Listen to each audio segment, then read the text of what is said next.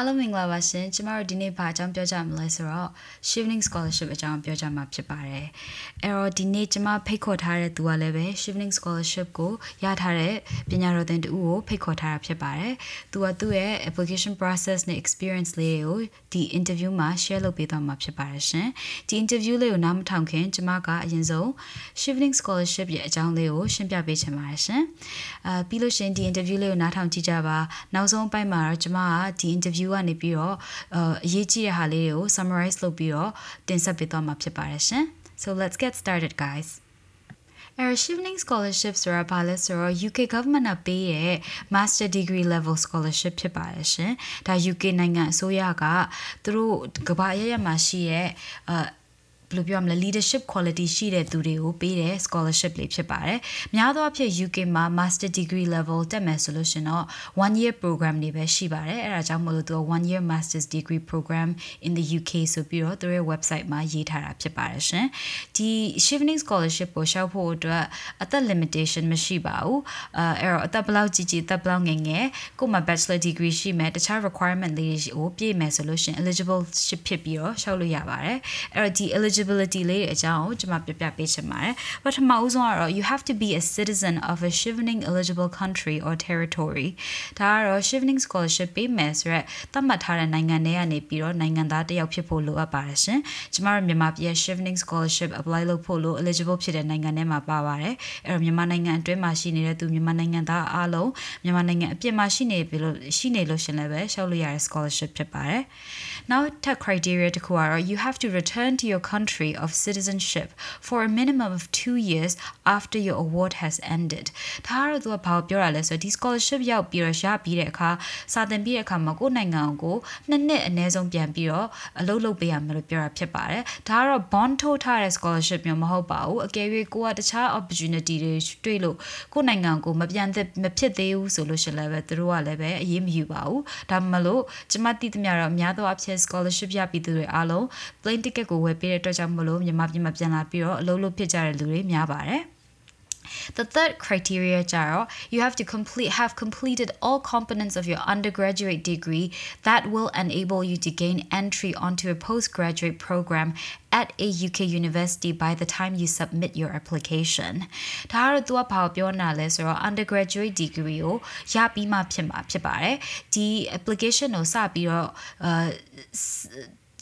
စပြီးလျှောက်တဲ့အချိန်မှာပေါ့နော်ဒီ undergrad degree ကိုရပြီးသားဖြစ်တဲ့သူမှပဲဒီ application ကိုလျှောက်လို့ရမှာပါဘာလို့လဲဆို UK University မှာ master တက်ချင်တယ်ဆိုလို့ရှင်ကိုမှ bachelor degree အာ certificate ကရှိ ਉਹ ရှိနေမှာဖြစ်ပါတယ်ရှင်နောက်တစ်ခုကြတော့ဘာလဲဆိုတော့ have at least 2 years equivalent to 2008 hours of work experience ဒါကတော့ဒီအလုပ် ပေါ့နော် experience ရှိမှဖြစ်ပါမယ်အလုပ် experience ဆို at least 2 years ဆိုပြီးတော့သူတို့ကပြောထားပါတယ်ဒီနေရာမှာကျွန်မပြောချင်တာကတော့အလုပ်ဆိုတော့ full time အလုပ် paid position ကိုလခရတဲ့အလုပ်မှမဟုတ်ပါဘူးအကယ်၍ volunteer position နဲ့ပဲနှစ်နှစ်ကြော်ကြော်အလုပ်လုပ်ဖူးတယ်ဆိုလို့ရှင်လည်းပဲဒီ scholarship ကို apply လုပ်လို့ရပါတယ်ဒါတွေအားလုံးကိုယ့်ရဲ့ဒီ application form ဖြည့်တဲ့အခါမှာဘယ်လိုမျိုးကိုတက်မဲ့ feel နဲ့ဘယ်လိုဆက်နွယ်နေလဲဆိုပြီးတော့တည်တည်ချာချာရေးနိုင်လို့ရှင်ပို့ပြီးတော့ကောင်းမှာဖြစ်ပါတယ်နောက်တစ်ခုကြတော့ apply to three different eligible UK university courses and have received an unconditional offer offer from one of these choices ဒါကတော့ဒီ scholarship ကို apply မလုပ်ခင်မှာပေါ့နော်အကောင်းဆုံးအခြေအနေကတော့ဒီ UK မှာရှိတဲ့ကိုတက်ချင်တဲ့ master degree program လေးတွေကို research တေချာလုပ်ပြီးတော့ university ၃ခုကိုရွေးထားရပါမယ်ရွေးထားပြီးတဲ့အခါမှာလည်းပဲကိုကပြောနိုင်ဖို့လို့ apply လုပ်ထားပြီးနိုင်ဖို့လို့အတွက်ကအရေးကြီးပါတယ်တချို့လည်း apply မလုပ်ရသေးပဲပဲဘယ်နဲ့ဟို interview ရတဲ့သူတွေရှိတာလည်းတွေ့ပူပါတယ်ဒါပေမဲ့လို့လူတိုင်းလူတိုင်းကတော့ကိုဘယ် university ၃ခုမှာတက်ချင်လဲဆိုတာကိုဆုံးဖြတ်ထားဖို့လိုအပ်ပါတယ်ဘာလို့လဲဆိုတော့ interview ရတယ်ဆိုလို့ရှင်ဒီ interview အဆင့်မှာဒီ university ၃ခုအကြောင်းကိုဘယ် university ၃ခုကိုရွေးထားလဲဆိုတာပေါ့နော်ပြောနိုင်ပြောဖို့ပြောနိုင်ဖို့လို့အရေးကြီးပါတယ်ရှင်နောက်တစ်ခုကြတော့အာဟို British Council တို့ဘာလို့ဒီအာ Britain နဲ့ပတ်သက်တဲ့အာ British government အစိုးရနဲ့ပတ်သက်တဲ့အလုပ်တွေမှာလှုပ်ထားအလုပ်လုပ်နေတဲ့သူအမျိုးရှိတဲ့သူတွေဆိုလို့ရှင်တော့အာ apply လုပ်လို့မရပါဘူးရှင်။ uh နောက်တစ်ခုကျတော့ have previously studied in the UK with funding from a UK government funded scholarship အကယ်၍ UK government UK အစိုးရနေပြီးပေးတဲ့ scholarship တစ်ခုနဲ့အင်္ဂလန်မှာစာသင်ဖူးတဲ့သူဆိုလို့ရှင်လည်းပဲဒီ scholarship ကို apply လုပ်လို့မရပါဘူးရှင်ဒီ basic criteria လေးတွေကို meet ဖြစ်တယ်ဆိုလို့ရှင်တော့ဒီ shifting scholarship ကို apply လုပ်လို့ရမှာဖြစ်ပါတယ်ရှင်အခုတော့ကျမတို့ဒီ scholarship ရထားတဲ့ကိုချမ်းနဲ့အတူ interview လုပ်ထားတာလေးကိုဆက်ပြီးတော့နားထောင် ကြည့်ကြပါရှင်ဟုတ်ကဲ့ပါကျမတို့အခုလောလောဆယ်အာဒီ Shifting Scholar ရထားတဲ့ Scholar တူဦးနဲ့အာ interview ကိုစပါတော့မယ်အဲ့တော့ကျမတို့မစခင်ပထမဦးဆုံးအာဒီနေ့ဖိတ်ခေါ်ထားတဲ့အာကိုနည်းနည်း introduce လေးလုပ်ပေးပါရှင်ဟုတ်ကဲ့ပါဗျဟုတ်ကျေးဇူးပါဗျအာကျွန်တော်နာမည်ချမ်းကြီးပါဗျအာဒီ education training အပြင်ကျွန်တော်ဆရာဝန်ပါ အာ INGO state တချို့နဲ့ UN ဖွဲ့စည်းတချို့မှာကျွန်တော်ဟိုရှစ်နှစ်လောက်လုပ်ခဲ့ဥပါတယ်အဲလောလောဆယ်ကတော့ဘယ်ဖွဲ့စည်းမှာမှလုပ်နေရတော့မရှိပါဘူးဗျဟုတ်ဟုတ်ကဲ့ပါရှင်ကျမတို့ဒီနေ့အချိန်ပေးပြီးတော့ interview လုပ်ပေးတဲ့အတွက်ကျေးဇူးတင်ပါတယ်အဲ့တော့ကျမတို့ပထမအဆုံးမေခွန်းမေးချင်တာကတော့အကိုရှောက်ခဲ့တဲ့ scholarship တွေရဲ့အကိုရခဲ့တဲ့ scholarship တွေရဲ့နောက်ပြီးတော့အဲဒီရှောက်ပြီးတဲ့အခါမှာပေါ့နော်ရသွားတဲ့ scholarship ရဲ့ requirement လေးတွေကိုပြောပြပေးပါရှင် ဟုတ်ကဲ့ဟုတ်ဟုတ်ဆိုတော့ကျွန်တော်ရှာဖို့ရတော့ Australia အစိုးရပြီးတော့ Australia Awards ပါဗျအဲ့ဒါကတော့ဟို၃ခါလောက်ရှာဖို့ရတယ်အာမရပါဘူးအဲ့ဒါတော့မရခဲ့ဘူးပေါ့နော်ဒါပေမဲ့ဟိုနောက်တစ်ခုရှောက်ကူရဖို့လာကြကျွန်တော်ဟို UK အစိုးရပေးတဲ့ Achievement Scholarship ပါဆိုတော့အဲ့တော့ဒီခု interview မှာတော့ကျွန်တော်ရဖို့ရဲ့ Achievement Scholarship နဲ့ပတ်သက်ပြီးတော့ပဲအဓိကဟိုပြောပြချင်ပါတယ်ဟိုကိုယ်ပေါ်ရခဲ့ဟာဆိုခါကြတော့လေ ဟုတ်ကဲ့ရှင်ဟုတ်ဆိုဟုတ်ဟုတ် Achievement Scholarship အတွက် requirements တွေကတော့ဟိုအဓိကကတော့၃မျိုးလိုပါတယ်ဗျပထမတစ်ခုကတော့ undergraduate ဘွဲတစ်ခုခုရပြီးသားဖြစ်ရမယ်ပေါ့နော်ဆိုလိုတာကတော့ master program ပဲပြရမှာလို့ undergraduate ဘွဲတစ်ခုရပြီးသားဖြစ်ရမယ်နောက်တစ်ခုကျတော့ကိုလေးလာမယ်ဒီဘာသာရေးနဲ့သက်ဆိုင်တဲ့လုပ်သက်ပေါ့နော်အဲ လုပ်သက်လို့ဆိုတဲ့အခါမှာကျွန်တော်တို့ဟိုလက်ကရတဲ့အလုပ်မှမဟုတ်ပါဘူးပြ volunteer အလုပ်လည်းရပါတယ် full time အလုပ်ဖြစ်စရာလည်းမလိုပါဘူး part time ဆိုလည်းရပါတယ်ဒါမှမဟုတ်လို့ရှိရင်လည်း internship ပေါ့နော်အလုပ်တင်လိုမျိုးဆိုလို့ရှိရင်လည်းရပါတယ်အနည်းဆုံး2နှစ်ရှိရအောင်မယ်နောက်ပြီးတော့နောက်ဆုံးတစ်ခု requirement အနေနဲ့ကတော့ဒီ UK ကတက္ကသိုလ်တွေကပေးတဲ့ဒီ master program ၃ခုပေါ့နော်၃ခုကိုဟိုရွေး ရွေးထားပါပေါ့နော်ရွေးထားမယ်ဟိုရှောက်လာတင်တဲ့အချိန်မှာတော့ကျွန်တော်တို့ဒီ offer letter ပေါ့ဟိုတက္ကသိုလ်ဝင်ခွင့်လို့ပြောရမယ်ဒီ condition offer letter မလို့သေးဘူးပေါ့နော်ဒါပေမဲ့အရွေးခံရလို့ဆိုအရွေးခံရပြီ interview ရပြီးတော့အရွေးခံရပြီဆိုလို့ရှိရင်တော့ကျွန်တော် July လအလယ်လောက်မှနောက်ဆုံးထားပြီးတော့ဟို offer letter ကို submit လုပ်ရလေးရှိပါတယ်ဗျဟုတ် ဟုတ်ကဲ့ရှင်အဲ့တော့အခုပြောတာဒီ scholarship ကို apply မလုပ်ခင်တော့မှပဲကိုဘာသာကို research လုပ်ပြီးကိုတက်ချင်တဲ့ program 3ခုအင်္ဂလန်မှာရှိတဲ့ program 3ခုကိုဘာသာကို research လုပ်ပြီးတော့ apply လုပ်ထားပြီးတော့အဲစပြီးတော့မှပြန်ဟိုဒီ scholarship ကို apply လုပ်လို့ရတာပေါ့နော်ဟုတ်ဟိုဟာဒီလိုပါ sorry um scholarship application တင်တဲ့အချိန်မှာတော့ကျွန်တော်တို့ဟိုကျောင်းကိုမလျှောက်ထားသေးလည်းရတယ်ဗျဒါပေမဲ့ဒီ scholarship application form ထဲမှာတော့ကိုတက်ချင်တဲ့ program သုံးခုကိုတော့နာမည်ထည့်ပြီးတော့ရေးပေးရမယ်ဟိုအဲ့အချိန်မှာတော့ဟိုကိုကျောင်းမလျှောက်ထားသေးလည်းပြဿနာမရှိဘူးဟိုလျှောက်ထိုင်တော့ကောင်းတာပေါ့နော်ဟုတ်ကဲ့ရှင်။ကျောင်းမလျှောက်ထားသေးပေမဲ့လို့လည်းပဲအ ਨੇ ဆုံးတော့ကိုလှုပ်ချင်တဲ့ကိုတက်ချင်တဲ့အဲတက်ကတူနဲ့ပြင်အာ program ကိုတော့ကို research လုပ်ဖူးတာတဲ့ဟုတ်ကဲ့ဗျဟုတ်ကဲ့ဗျဟုတ်ဟုတ်ဟုတ်ကျေးဇူးပါရှင်အာနောက်ထပ် question ကတော့ဘာမေးချင်လဲဆိုတော့မေးစရာတွေအများကြီးပေါ့နော်ဒါမလို့မေးချင်တာတော့အကယ်၍ကျောင်းသူကျောင်းသားတွေဒီလိုမျိုး evening scholarship ကိုရှောက်ဖို့လို့စပြီးတော့ prepare လုပ်မယ်ဆိုလို့ရှင်၃ခုအရေးကြီးတဲ့၃ခုကိုပြောပြပေးပါရှင်အခုအနေနဲ့ပေါ့နော်ဟုတ်ဟုတ်ဟုတ်ကျွန်တော်အမြင်ရဆိုလို့ရှိရင်တော့ဒီဟို ကိုတက်ချင်တယ်ပေါ့နော် course တွေနဲ့ပတ်သက်ပြီးတော့ခါကျတော့တိတ်ချာလေး research လုပ်သိချင်ပါတယ်ဗျဟိုခုဟိုနောက်ပိုင်းဟိုကျောင်းလူကျောင်းသားတွေတော့မသိဘူးပေါ့နော်ကျွန်တော်တို့တော့ငါကြတော့ဟိုကျွန်တော်တို့အရွယ်တော့ငါကြတော့ဒီဟိုကိုပါတက်ချင်တယ်ဆိုတော့ course ကိုကိုယ်နိုင်ငံတော်တွေမှာရှာရဲဆိုမှမရှိဘူးလေနော်ဆယ်ရန်ပြရနဲ့ကိုယ်မှနဲ့ကိုလိုက်တာပဲတက်လိုက်ကြတာစကားကြဟိုအဲ့လိုမျိုးပဲနဲ့ master program လေးတက်တဲ့အချိန်မှာကျအဲ့လိုမျိုးပဲနဲ့ဟိုဒီဘွဲတစ်ခုကိုပေးရဥမာကျွန်တော်တကယ်ဟို master of public health ဆိုလို့ရှိရင်လည်းဒီခွဲတိုက်တဲ့ချင်းတူရင်တက်မှာပဲတဲ့တခြားမတခြားနဲ့ပြီးတဲ့ဟိုမိုးကျူးတွေကမတူတာမျိုးတွေရှိပါတယ်သူပြင်တော့ဟို elective တွေပေါ့နော် optional မိုးကျူးစီကမတူတာတွေရှိတယ်ဆိုတော့အဲ့ဒီမတူဘူးဆိုလို့ရှိရင်ဟိုကိုသွားခြင်းနဲ့ career path နဲ့ဟဟိုကြိုက်လားမကြိုက်လားဆိုတာမျိုးတွေကျွန်တော်တို့စဉ်းစားဖို့လိုတာဖြစ်တဲ့ကြောင့်မို့လို့ကျွန်တော်တေချာလေး research လုပ်ကြခြင်းပါတယ်ဆိုတော့အဲ့လိုမျိုး research လုပ်ခြင်းအပြင်ဟိုဘာတော့လဲထောက်ကူဖြစ်မလဲဆိုလို့ရှိရင် chipping ဟို application form နဲ့မှာပါတဲ့ဒီ course ကိုဘာလို့တက်ရတာလဲဒီ course ပြီးရင်ဘာဆက်လုပ်မှာလဲဆိုတော့ဟိုမိကုန်းတွေကိုဖြေဖို့လို့အတွက်လည်းအထောက်အကူဖြစ်ပါလိမ့်မယ်ဗျာဟုတ်အဲ့ဒါပထမတစ်ချက်ပေါ့နော်ဒုတိယချက်ကတော့ကကျတော့ IELTS အတွက်ကိုဟိုလေ့လာတာအပြင်ဆင်တာလုပ်စေချင်ပါတယ်အမ် ဒီ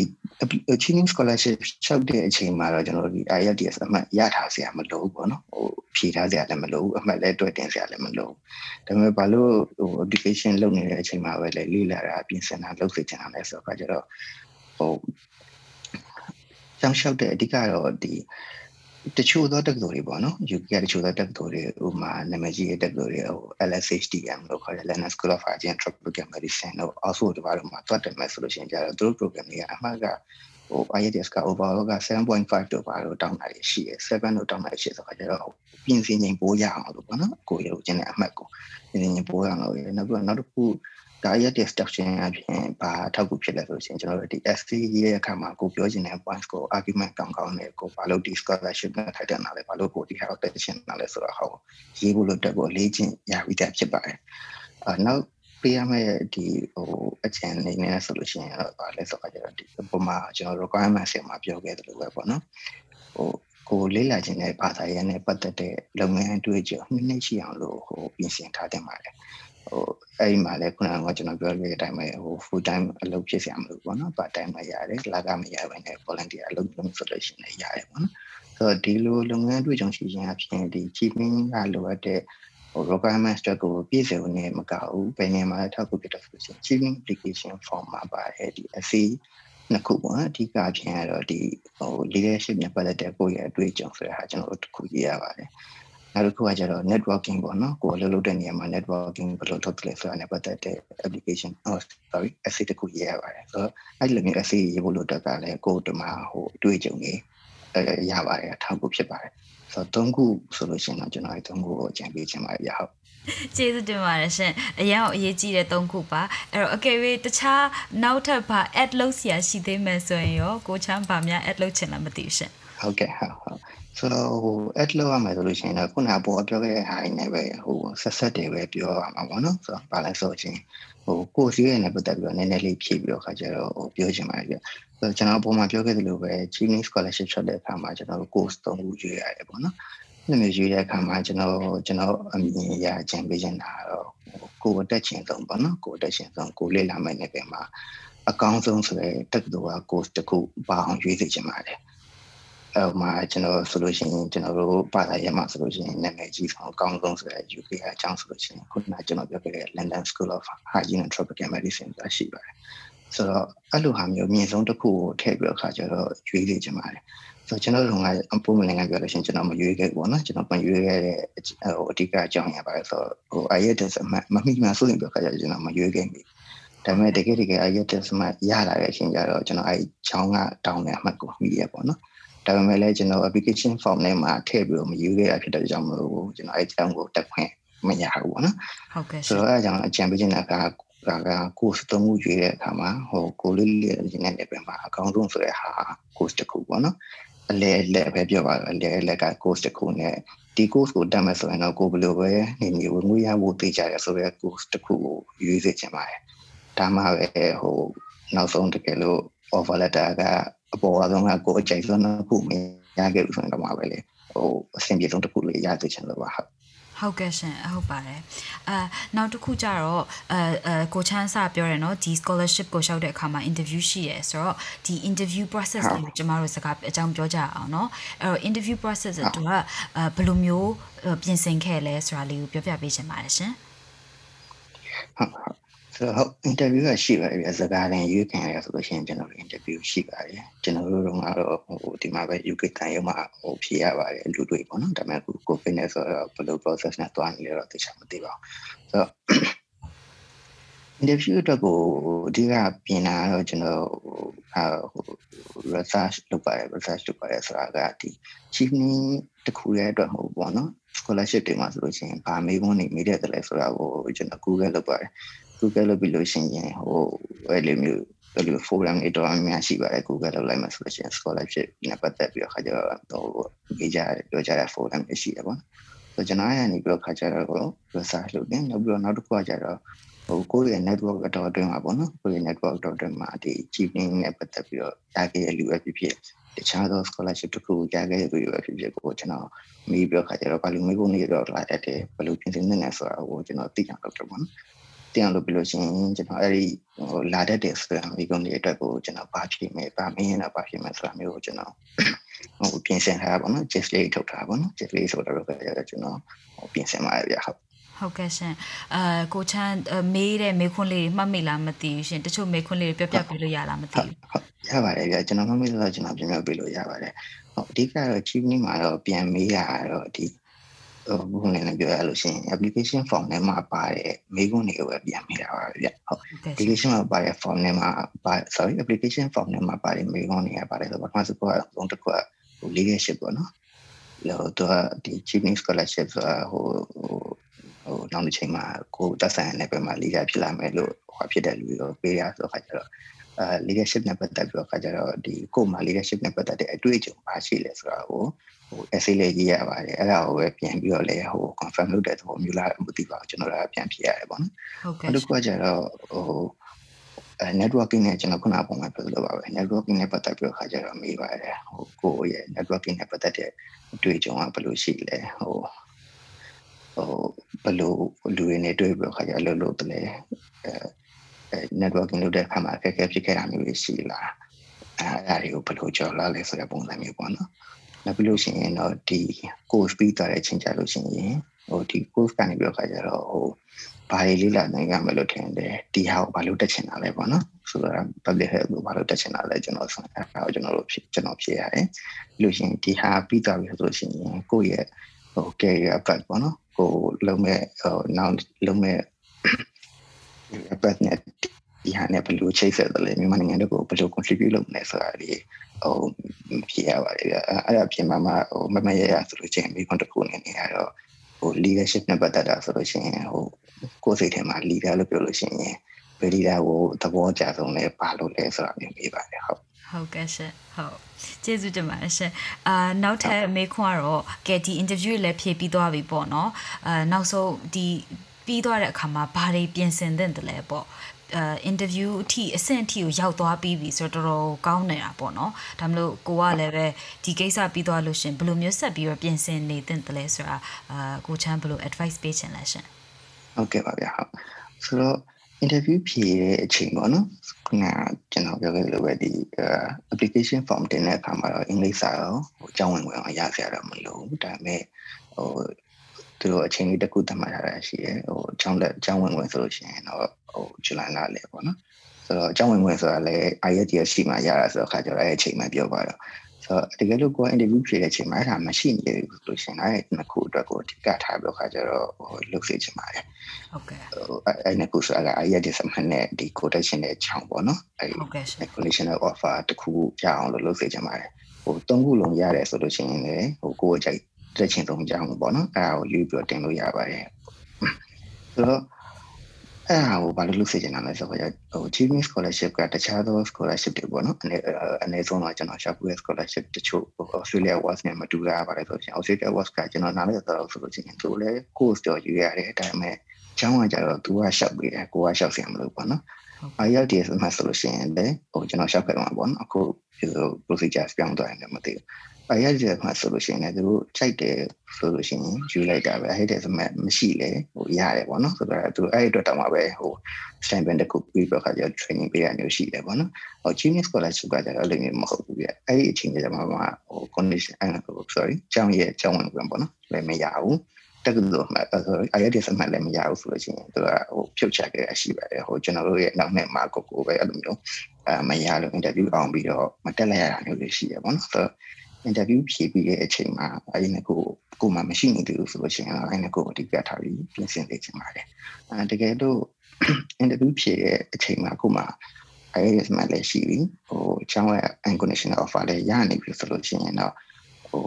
တခြားတော့ကိုတည်တဲ့ချင်တဲ့ဟာပေါ့နော်ဥပမာ UK visa အတွက်ကဘယ်လိုအာစာဆိုင်နေလို့တလဲအာဘယ်လို process တွေရှိသလဲပေါ့နော်ပြီးလို့ရှိရင်ကိုယ်သွားတက်မဲ့ တက်တော့မှာအာဘယ်လိုအစားမပေးရရှိလဲဆိုတာမျိုးတွေကိုဟိုအစားရှိပြီးခါရတော့ရှောက်ပြခြင်းပါတယ်ဥပမာကျွန်တော်ဆိုရင်အဲ့ဒါအဆောင်ကိစ္စနဲ့ပတ်သက်ပြီးတော့ဟိုရှောက်တာနောက်ကျတော့လို့အဆောင်မရတာတွေဖြစ်ဖြစ်တယ်ပေါ့နော်ဆိုတော့အဲ့ဒါမျိုးတွေကိုဟိုလုပ်စေချင်ပါတယ်ဗျဟုတ် ဟုတ်ကဲ့ရှင်အာနောက်ဆုံးမေးခွန်းလေးရောက်သွားပါပြီရှင်နောက်ဆုံးမေးခွန်းကတော့ခုကျမတို့မြန်မာပြည်အကြောင်းသူကျောင်းသားတွေကိုအဲဒီလိုမျိုး education ကို continue လုပ်ချင်တဲ့ကျောင်းသူကျောင်းသားတွေပေါ့နော်ဒီအခက်အခဲတွေကြားထဲမှာဘာဘာ advice ပေးချင်လဲမသိဘူးရှင်အချင်းအနေနဲ့ဆိုလို့ရှိရင်တော့ဟိုဟို လောလောဆယ်ပေါ့နော်ဟိုကျွန်တော်ထင်ပါတယ်ပညာရေးတစ်ပိုင်းတစ်စားဖြစ်နေတဲ့အကြောင်းအရာတွေလည်းအများကြီးတော့ရှိမှထင်ပါတယ်ဆိုလိုတာ first year second year နဲ့ဒီကပညာရေးဖြစ်သွားပြီးတော့ဆက်မတက်လာရရတယ်ပေါ့နော်ဆိုလို့ရှိရင်တော့ဟိုဒီ NUG ကနေပြီးတော့ဟိုဒီ book ဆိုရနေပြီးစီစဉ်ပေးတဲ့ online training တွေကနေပညာစုံစမ်းတိုင်းတက်နိုင်မယ်လို့ဟိုမျိုးနေပါတယ်ဟိုအဲ့ဒါနဲ့ပတ်သက်ပြီးတော့ကျွန်တော်အရင်အကြံမပေးနိုင်တဲ့ကကျွန်တော်ကိုယ်တိုင်က undergraduate နဲ့ပတ်သက်ပြီးတော့ဟိုတခြားမှာသွားပြီးတော့ဟို scholar တက်ခဲ့တာမျိုးဘာလို့မရှိဘူးဆိုတော့ခါကြတော့ပေါ့နော်တကယ်လို့များတာ ကျွန်တော်တန်းလိုက်ဆိုလို့ရှိရင်လည်း undergraduate နဲ့ပတ်သက်ပြီးလို့ရှိရင်လည်း full scholar မဟုတ်ဘူးမဲ့လည်းဟို limited ပေါ့နော်ဟိုအတိုင်းတစ်ခုထိ PS scholar လေးရှိရဆိုတော့ဒါတွေအတွက်လည်းဟိုကိုယ်နိုင်ငံမှာမတင်ချင်ဘူးတခြားဟိုသွားတင်ချင်တယ်ကိုကလည်းအတိုင်းတစ်ခုထိ contribute လုပ်နိုင်မယ်ဆိုလို့ရှိရင်အဲ့ဒါတွေအတွက်လည်းဟိုကြိုးစားနေကြပါတယ်ဟုတ်ကဲ့နောက်ဟိုဒီမှာပဲပွဲရပြီးကြပါတော့ပွဲရပြီးသားဟိုကျွန်တော်လိုမျိုးကျွန်တော်တို့လိုမျိုးဒီမှာပဲပွဲရတယ်တခြားမှာသွားတက်ချင်တဲ့လူတွေအတွက်ဆိုရင်တော့ဟိုအာ မြန်မာပြည်လိုနိုင်ငံမျိုးအတွက်ကိုပေးနေတဲ့ scholarship တွေအများကြီးရှိပါတယ်။နောက်ပြီးတော့အထူးဖြင့်ဟိုကျွန်တော်နားရတဲ့လောက်ဆိုလို့ရှိရင်အခုချီအနည်းဆုံး achieving scholarship ဆိုလို့ရှိရင်ဒီအားသိနေဖြစ်သွားတော့အရင်တော့အာပြည်သူဝန်ထမ်းတွေကိုပေးနေတဲ့ဟိုကိုတာဒီမပြီးတော့ဘဲနဲ့ကျွန်တော်တို့တူတူလူတွေတော့ပေးတဲ့ဟာမျိုးလေးရှိမှာပေါ့နော်ဆိုတော့ဆိုတော့ကျွန်တော် scholarship နဲ့ပတ်သက်တဲ့အခွင့်အလမ်းတွေပို့ပြီးတော့ခါကြတော့ဟိုများလာပါလိမ့်မယ်ဆိုတော့ခါကြတော့ဟိုကိုပတ်သက်ဆိုင်ရာဘာသာရေးတော့တင်မှာတည်ရလူဟိုကိုတက်စီနေကြလူတွေနဲ့ များများလေးစကားပြောပြီးတော့ခါကျတော့ research လုပ်ပါအမြဲတမ်းရှာနေပါ IELTS တွေပါတွေကိုလည်းပြင်ဆင်ထားပါလို့ကြံပေးချင်ပါတယ်ဟုတ်ဟုတ်ကဲ့ရှင်နောက်ဆုံးမေးခွန်းလို့ပြောပြီးမေးခွန်းလေးနောက်တစ်ခုထပ်မေးရှင်တယ်ရလားမသိဘူးအင်္ဂလန်မှာစာသင်ရတဲ့ experience လေးပေါ့နော်အာ share လုပ်စေချင်ပါတယ်ရှင်အင်္ဂလန်မှာစာသင်ရတဲ့ experience လေးအကြောင်းပေါ့နော်ဟိုကျောင်းသူကျောင်းသားလေးတွေနားထောင်ပြီးတော့အားမရသွားမလားလို့ပါ ဟုတ်ကဲ့ပါဗျဟုတ်ဟုတ်ရပါတယ်အဲဆိုတော့အင်္ဂလန်မှာစတင်ရတာကဟိုတခြားနိုင်ငံတွေမှာပေါ့နော်ဟိုမှာဆိုလို့ရှိရင် Australia ရောမှာတဲ့စတင်ရတာဆိုလို့ရှိရင်တော့ဟို schedule ကဟိုနည်းနည်းလေးကျက်ပါတယ်ဘာလို့လဲဆိုတော့ကျတော့တခြားနိုင်ငံတွေမှာကဟိုအာမာစတာဆိုလို့ရှိရင်နှစ်နှစ်တော့ပါလို့ရှိကြတယ်ဆိုတော့ UK က master ရတော့တစ်နှစ်ပဲများလာဆိုတော့ခါကျတော့ဟိုနည်းနည်းတော့ type ဖြစ်တာပေါ့နော်အဲ့ဒီရှိတယ် ပြီးကြတော့ဟိုကျန်တာတွေကတော့ဟိုဟိုမြန်မာအကြောင်းသူကြောင့်လည်းအနေနဲ့အခက်အခဲရှိမှာမဟုတ်ပါဘူးပြဘာလို့လဲဆိုတော့ကြတော့ဟိုကျွန်တော်တို့မြန်မာတွေကဒီအာမကောင်းတဲ့ပညာရေးစနစ်အောက်မှာကြီးပြင်းခဲ့ရလို့သာဟိုမထူးချင်လို့ဖြစ်တာပါသူများနိုင်ငံမှာကျွန်တော်တို့ကောင်းကောင်းဟိုဟိုတင်နိုင်ပါပြီးတော့ကြတော့ဆေးရတွေကလည်းကျွန်တော်တို့အာအရင် supportive ဖြစ်ပါတယ်ဟိုဒါတော့ဘယ်နိုင်ငံမှာမဆိုနေမှာပါပဲ UK မှာမဟုတ်ပါဘယ်နိုင်ငံမှာမဆိုအရင် supportive ဖြစ်ပါတယ် ဟိုခုနကကျွန်တော်ဟိုဟိုကြောင်းတက်ခြင်းကတိုက်ဖြစ်တယ်လို့ပြောလို့ဟိုကျန်တာလို့ချင်းရတော့ကဒီစကားလုပ်ခြင်းတွေလည်းအများကြီးရှိပါတယ်ဟိုပြီးတော့ဥမာ Harry Potter fans တွေပါဆိုလို့ရှိရင်တော့ UK မှာ Harry Potter နဲ့ပတ်သက်ပြီးတော့ခါကြတော့သွားလေဆရာတွေတလောလောလောလောဆယ်ဝင်စီရိုက်ထားတဲ့ scene ရှိတာပေါ့နော်ဆိုတော့သွားလေဆရာတွေလည်းညားပါတယ်ဟုတ်ဟုတ်ဟုတ်ကျေးဇူးတင်ပါတယ်ရှင်အာဒီလိုမျိုးအချိန်ယူပြီးတော့ပြောပေးတဲ့အတွက်အာကျမတို့အာဒီ နားထောင်တဲ့ကျောင်းသူကျောင်းသားတွေလည်းပဲအများကြီးအားတက်သွားမှာပေါ့နော်နောက်ပြီးတော့ experience တွေလည်းရှိမယ်ရတယ်နောက်ပြီးတော့သူတို့ prepare လုပ်ချင်တာတွေလည်းဆက်ပြီးတော့ prepare လုပ်လို့ရဖို့အတွက်အရန်ကိုအသုံးဝင်ပါတယ်ရှင်အဲကျေးဇူးအရင်တင်ပါတယ် Hi guys, so thank you for sticking around until the end of the interview. I hope you enjoyed it and I hope you learned something. အဲ့တော့ခုဒီ interview လေးလေးပြီးသွားပြီဘုသူတလည်းတိုးသွားပြီလို့ကျွန်မယူဆလိုက်ပါမယ်။အဲ့တော့ဒီ podcast လေးကို end မလုပ်ခင်ဘာပြောကြမလဲဆိုတော့သူပြောသွားတဲ့ကိုချမ်းပြောသွားတဲ့အထက်မှာအရင်ရေးကြည့်တဲ့အရာလေးကိုပြန်ပြီးတော့သတိပေးချင်ပါတယ်။ပထမဆုံးကတော့အာ emphasize လုပ်သွားတဲ့အကို emphasize လုပ်သွားတဲ့ point ကတော့ research လုပ်ပါပေါ့နော်။ research လုပ်ဆိုတာဘယ်လိုလဲဆို တော့ကိုဘာတွေကိုစိတ်ဝင်စားလဲကျောင်းကိုမလျှောက်ထားသေးပေမဲ့လို့လည်းပဲကိုကိုယ့်ရဲ့ future ပေါ့နော်တစ်နှစ်လုံးကိုနိုင်ငံခြားမှာစာသင်ဖို့ဆုံးဖြတ်ပြီးဆိုလို့ရှင်ပညာတော်သင်ဆုံးဖြတ်မယ်ဘွဲ့လွန်ဆုံးဖြတ်ပြီးဆိုလို့ရှင်ဘာတွေကိုစိတ်ဝင်စားမယ်ဘယ်လိုမျိုးကိုယ့်အတွက်အကျိုးကျေးဇူးရှိနေမလဲနောက်ပြီးတော့ကိုယ့်ရဲ့နိုင်ငံပေါ့နော်ကျမတို့လိုမျိုးမြန်မာနိုင်ငံဆိုလို့ရှင်တော့ကိုယ့်နိုင်ငံကိုဘယ်လိုမျိုးအကျိုးရှိနေမလဲအကျိုးပြုနိုင်မလဲဆိုတာကိုတေချာကိုစဉ်းစားပြီးတော့ apply လုပ်ဖို့လိုလိုအပ်ပါတယ်ရှင် နောက်တစ်ခုကိုပြောသွားတဲ့အထက်မှာအရင်အရေးကြီးတာကတော့ဒီ university university တိုင်းကကိုဘယ်ဥပမာသူပြောသလိုမျိုး public health ကိုကိုကစိတ်ဝင်စားလို့တက်ပဲလို့ဆုံးဖြတ်လိုက်ပြီးပြီဆိုရင်တော့မှဒီ university တွေထဲမှာတေချာပေးတဲ့ course တွေက module တွေပေါ့နော်တစ်ခုနဲ့တစ်ခုနဲ့မတူကြပါဘူးအဲ့တော့ဒီကိုအတွက်အရင်စိတ်ဝင်စားစရာကောင်းမဲ့ module တွေကိုကိုကဟိုပို့ပြီးတော့ရှိတဲ့အဲ university ကိုရွေးဖို့လို့လိုအပ်ပါတယ်အဲ့ဒါကြောင့်မို့လို့ဒီကိုပြောတာဆိုလို့ရှင်ဒီ university course တွေထဲမှာ ဝင်ပြီးတော့တေချာကြည့်ကြည့်ပါစိတ်ဝင်စားနဲ့အချိန်ကိုပေးပြီးတော့လေ့လာပါဒါမှကိုကြိုက်တဲ့ university ကဘယ် university လဲဘာလို့ရွေးချယ်လဲဆိုတာကိုခရီးစစ်တွင်းကြတေးသေးချာချာပြောနိုင်မှာဖြစ်ပါတယ်ရှင်ဒီပြောနိုင်မယ်ဆိုလို့ရှင်လည်းပဲကိုယ့်ရဲ့ interview ခေါ်ခါထိတယ်ဆိုလို့ရှင်ဒီ interview မှာတိတ်တိတ်ချာချာရှင်းပြနိုင်တဲ့အတွက်ကိုယ့်ရဲ့ scholarship ရနိုင်ဖို့ရာခိုင်နှုန်းကပို့ပြီးတော့လည်းများလာမှာဖြစ်ပါတယ်။နောက်တစ်ခုကိုပြောတာကတော့ IELTS ပေါ့နော်။ IELTS ကို prepare လုပ်ပါ IELTS prepare လုပ်ဖို့ဆိုတာအချိန်အများကြီးကြာတယ်လို့မျိုးချက်ချင်းဝန်နိုင်ပြီးတော့အခြေခံအင်္ဂလိပ်စာအတွက်ချက်ချင်းတိုးတက်ဖို့ဆိုတာအချိန်ကြာပါတယ်အဲ့အတွက်ကြောင့်မို့လို့ကိုအခုဘာမှမလုပ်နေတော့မှ self study material တွေအများကြီးရှိတဲ့ခေတ်ဖြစ်မို့လို့ဖြစ်တယ်မို့လို့ဆက်ပြီးတော့စူးစမ်းပါဟိုဗီဒီယိုတွေကြည့်ကြည့်ပါ internet ပေါ်မှာ IELTS တွေသူများတွေဘယ်လိုဖြေလဲဆိုတာတွေအားလုံးကိုကိုယ့်ဘာသာကိုစူးစမ်းပြီးတော့အာရှာနေတဲ့ခေတ်ဖြစ်လို့ပေါ့နော်စူးစမ်းပါဟိုတစိုက်မမတ် စူးစမ်းနေပါဒါမှ base scholarship မဆို IELTS ကလိုလိုတဲ့အတွက်ကြောင့်မလို့အရေးကြီးပါတယ်အဲ benefit ပဲဖြစ်မှာပါဘယ်တော့မှအချိန်ကုန်ခံပြီးဆိုရုပ်ဖို့ဆိုတာမရှိပါဘူးအဲ့တော့ IELTS ကိုအရင်ကိုစူးစမ်းဖို့ကျွန်မကိုယ်တိုင်လည်းအားအားပေးတယ်တွန်းအားပေးပါတယ်ရှင် နောက်တစ်ခုကြတော့အာဒီ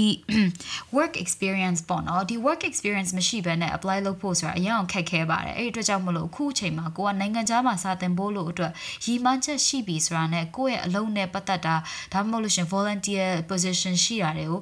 အားတော့ခွန်ဆိုင်လိုက်ပြီးရှာဖို့လို့လိုအပ်ပါတယ်ကိုမှဒီ experience တွေမရှိသေးဘူးဆိုလို့ရှင်ပေါ့နော်ကိုခုအလုပ်လုပ်နေတဲ့ feel နဲ့ကိုသွားပြီးတော့စာသင်ခြင်းတဲ့ feel ကတိတ်ပြီးမပတ်သက်ဘူးဆိုလို့ရှင်ဒီဟာလုပ်ဖို့လို့ပို့ပြီးတော့အရေးကြီးပါတယ် related ဖြစ်ဖို့လို့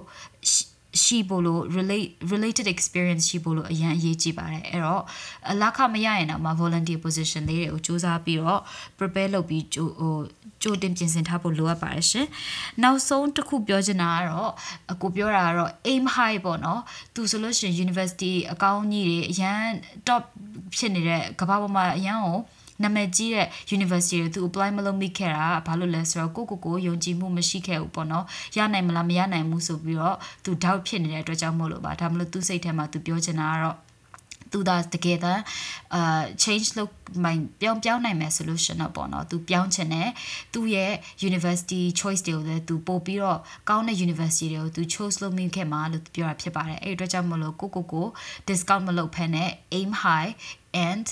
try your best ဆိုပြီးတော့အကိုရဲ့ message ကိုကျမက emphasize လုပ်ချင်တာဖြစ်ပါတယ်ရှင်။ so ကျမတို့ဒီနေ့ဒီ podcast မှာနားထောင်ပေးတဲ့အတွက်ကျေးဇူးအရင်တင်ပါတယ်။နောက်ပတ်မှာတော့နောက်ပတ်စနေနေ့မှာကျမဘာ podcast လေးကိုအာ release လုပ်မလဲဆိုတော့ max scholarship ရထားတဲ့ညီမတယောက်နဲ့မေးထားတဲ့မေးခွန်းလေးကိုကျမအာ တင်ပြပေးသွားမှာဖြစ်ပါတယ်။သူကဆိုလို့ရှင် Max Scholarship ရပြီးတော့ဂျပန်နိုင်ငံမှာအဲ Master Degree အပြင် PhD လည်းတက်နေတာပြီးတော့မဲ့ညီမလေးဖြစ်ပါတယ်။အဲ့တော့ဒီ program တွေအားလုံးကိုဆက်ပြီးတော့အားပေးပြီးနားထောင်ကြပါလို့တိုက်တွန်းချင်ပါတယ်။ဒီလိုမျိုး scholarship ရထားတဲ့မြန်မာလူမျိုးတွေအရန်တော်တဲ့မြန်မာလူမျိုးတွေရဲ့စကားတွေကိုနားထောင်ပြီးတော့လည်းပဲအားတွေတက်ပြီးတော့ကိုကိုကိုဘယ်လိုမျိုးဆက်ပြီးတော့စူးစမ်းမယ်ဘယ်လိုမျိုးဆက်ပြီးမြင့်တင်သွားမယ်ဆိုတော့အာဟို positive energy လေးတွေရှိပါစေလို့ဆုတောင်းပေးလိုက်ပါတယ်ရှင် Thank you so much everybody and see you guys again next week